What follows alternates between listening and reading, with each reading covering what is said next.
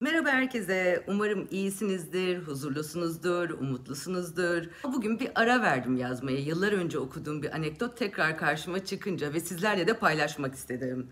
Bu ara anekdottan önce bir hafıza tazelemek istiyorum kendimle ilgili bir eski bir yazımla ilgili olarak. Bilirsiniz bir yazım vardı benim. Değersiz hissettiğiniz yerde durmayın diye. Öyle başlıyordu. 3-4 sene olmuştur sanırım o yazıyı yazalı. Yakından takip edenler de hatırlarlar sanırım. Eski takipçiler hatırlarlar. Biliyorum ki o yazı okuyana kendi değerini hatırlatan ve güç veren yazılarımdandı. Sizler de çok sevdiniz sağ olun. Herkesin çünkü güce ve güvene ihtiyacı var değil mi? Tabii ki öyle. Kısa bir bölümünü okumak istiyorum anlatacağım hikayeye geçmeden önce. Şöyle başlıyordu yazı dediğim gibi. Değersiz hissettiğiniz yerde durmayın.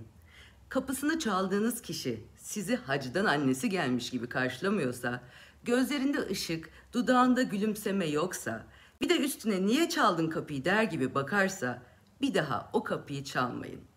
Yanında olmayı seçtiğiniz kişi sizden uzakta duruyorsa, sizi sürekli eleştiriyorsa, başarılarınız onu yıpratıyor, hüznünüz besliyorsa, siz mutlu olacaksınız diye çok korkuyorsa, yanınızdan ayrılıp önünüze geçmeye çalışıyorsa, yanınıza şükretmiyorsa orada daha fazla kalmayın. En büyük yanlışı verdiğimiz sevgiyi almaya çalışırken yaparız. Verince almaya hakkımız var sanırız. Verdiğimiz zeytin çekirdeğini yanlışlıkla yutanın altına zeytinyağı çıkar umuduyla boş teneke koyarız. Umut ederek de süremizden çalarız. Ama o değer çaba karşılığı verilmez. Prenses gibi hissetmezseniz o muhabbet çekilmez. Herkes bir adım gelene on adım giderken bizim buralarda artık on adım gelmeyene bir adım bile gidilmez. Ya işte böyle. Size bir hikaye anlatacağım dedim ama bir hikaye değil aslında anlatacağım. Amerikalı ünlü iş adamı e, JP Morgan'ın da CEO'su James Dimon'ın kendi değerini bildiğini sanan bir genç kızın yolladığı e-mail'e verdiği cevabı size okuyacağım. Eminim okumuşsunuzdur, size karşılaşmışsınızdır ama aslında size bu çok kısa olacak videoyla anlatmak istediğim konuyu da çok iyi özetlediğini düşünüyorum. Çünkü konu şu. Varlığımız değerlidir ama saksı bitkisi gibi durup kendimize değer katmayıp sürekli altyapısı olmayan bir şişirilmiş özgüvenle ben değerliyim demek ve karşısından da koşulsuzca değer beklemek bana çok anlamsız geliyor artık. 21 gün aynaya bakıp ben değerliyim deyince değerli olunmuyor. Kendinize yatırım yapmayı sadece fiziksel boyutta tutarak boş bir özgüvenle yani bana göre altyapısız özgüvenle buna narsizm denir zaten. Vermeden almayı e, ve değer görmeyi beklemek abesle iştigal geliyor bana. Nefes almak değerlidir tabii. Nefes alan herkes değerlidir ama sadece nefes almanız başkasının sizinle keyifle yaşamasının sebebi olamaz değil mi? Bu arada eğitim, titr, meslek, başarı ve paradan da bahsetmiyorum değer derken. Eskiden bunların önemli olduğunu düşünürdüm ben evet ama yanılmışım. Herkes yanılabilir. Zaten gerçek yok, doğru yok. Elde edilen sıfatlara sığınıp egosunu tatmin eden birçok saygın meslek sahibinin çevrelerine uyguladığı psikolojik şiddeti de yakından tecrübe ettim ben son yıllarda. Profesör olmak, yazar olmak, holding sahibi olmak, istihdam sağlamak, başarı ve değer de benim için her zaman ama şimdi öyle düşünmüyorum. Hatta şöyle düşünüyorum.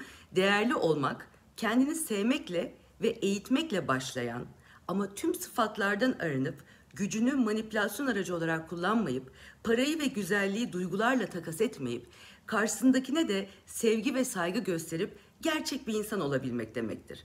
Değerli olmak tüketmek değil üretmektir diye düşünürdüm çünkü hep ben. Hala da öyle düşünüyorum ama bir şey daha ekledi işte yıllar bu düşünceme. İbadet gibi gelir bana özgüven. Başa kakılmaz, silah olarak kullanılamaz ve kendine gösterdiğin sevgiyi ve saygıyı aynı zamanda empatiyi ve belki de sempatiyi her bir bireye göstermiyorsa insan buradan belirtmek isterim ki tüm o kazanılan sıfatların ben içine edeyim. Şimdi gelelim bu sizi hem gülümsetecek hem de düşündürecek bir e-mail yazışmasına. Dünyanın en büyük finans şirketlerinden JP Morgan'ın CEO'su James Dimon Zengin koca avcısı bir kızın attığı e-maile bakın nasıl cevap veriyor. Önce kızın JP Morgan'a yolladığı e-postayı okumak istiyorum. Sayın Morgan, size karşı dürüst olacağım. Bu yıl 25 yaşıma giriyorum. Çok güzelim, iyi bir stilim var ve kaliteli şeyleri çok severim. Yıllık geliri en az 500 bin dolar veya daha fazla olan bir adamla evlenmek istiyorum. Aç göz olduğumu düşünebilirsiniz. Fakat New York'ta yıllık geliri 1 milyon dolar olan insanlar maalesef orta sınıf sayılıyor. Çok şey istemiyorum. Sizin sitenizde yıllık geliri 500 bin dolar veya daha fazla olan birileri var mıdır acaba? Yoksa siz iş adamları hepiniz evli misiniz? Bu konuları merak ediyor ve sormak istiyorum. Sizin gibi zengin insanlarla evlenmek için ne yapmam gerek? Çok dürüst değil mi kız? Bugüne kadar birlikte olduğum erkekler arasında en zengini yılda 250 bin dolar kazanıyordu. Central Park'ın batı yakasında yüksek bütçeli rezidanslarda yaşamak isteyen biri için yıllık 250 bin dolar yeterli değil biliyorsunuz. Size alçak gönüllükle soruyorum. 1. Zengin bekarlar nerede takılır? Lütfen bar, restoran, spor salonu, kulüp ve bunun gibi mekanların isimlerini ve adreslerini yazar mısınız? 2. Hangi yaş kategorisine odaklanmalıyım? Zeki kız. 3. Çoğu zenginin eşleri neden ortalama güzellikte?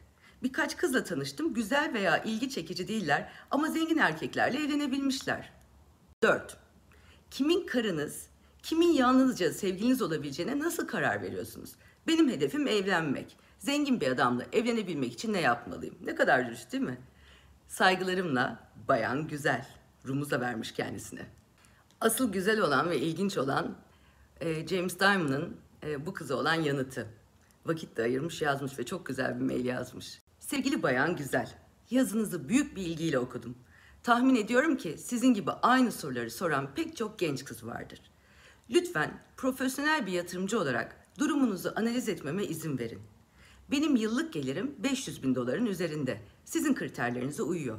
Bu sebeple zamanınızı boş yere çalmadığımı umut ediyorum. Ne kibar adam.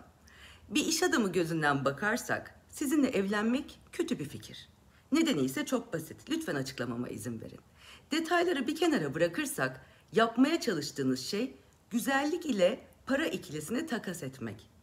A kişisi güzelliği sağlar, B kişisi de bunun için ödeme yapar. Gayet adil. Fakat burada ölümcül bir problem var.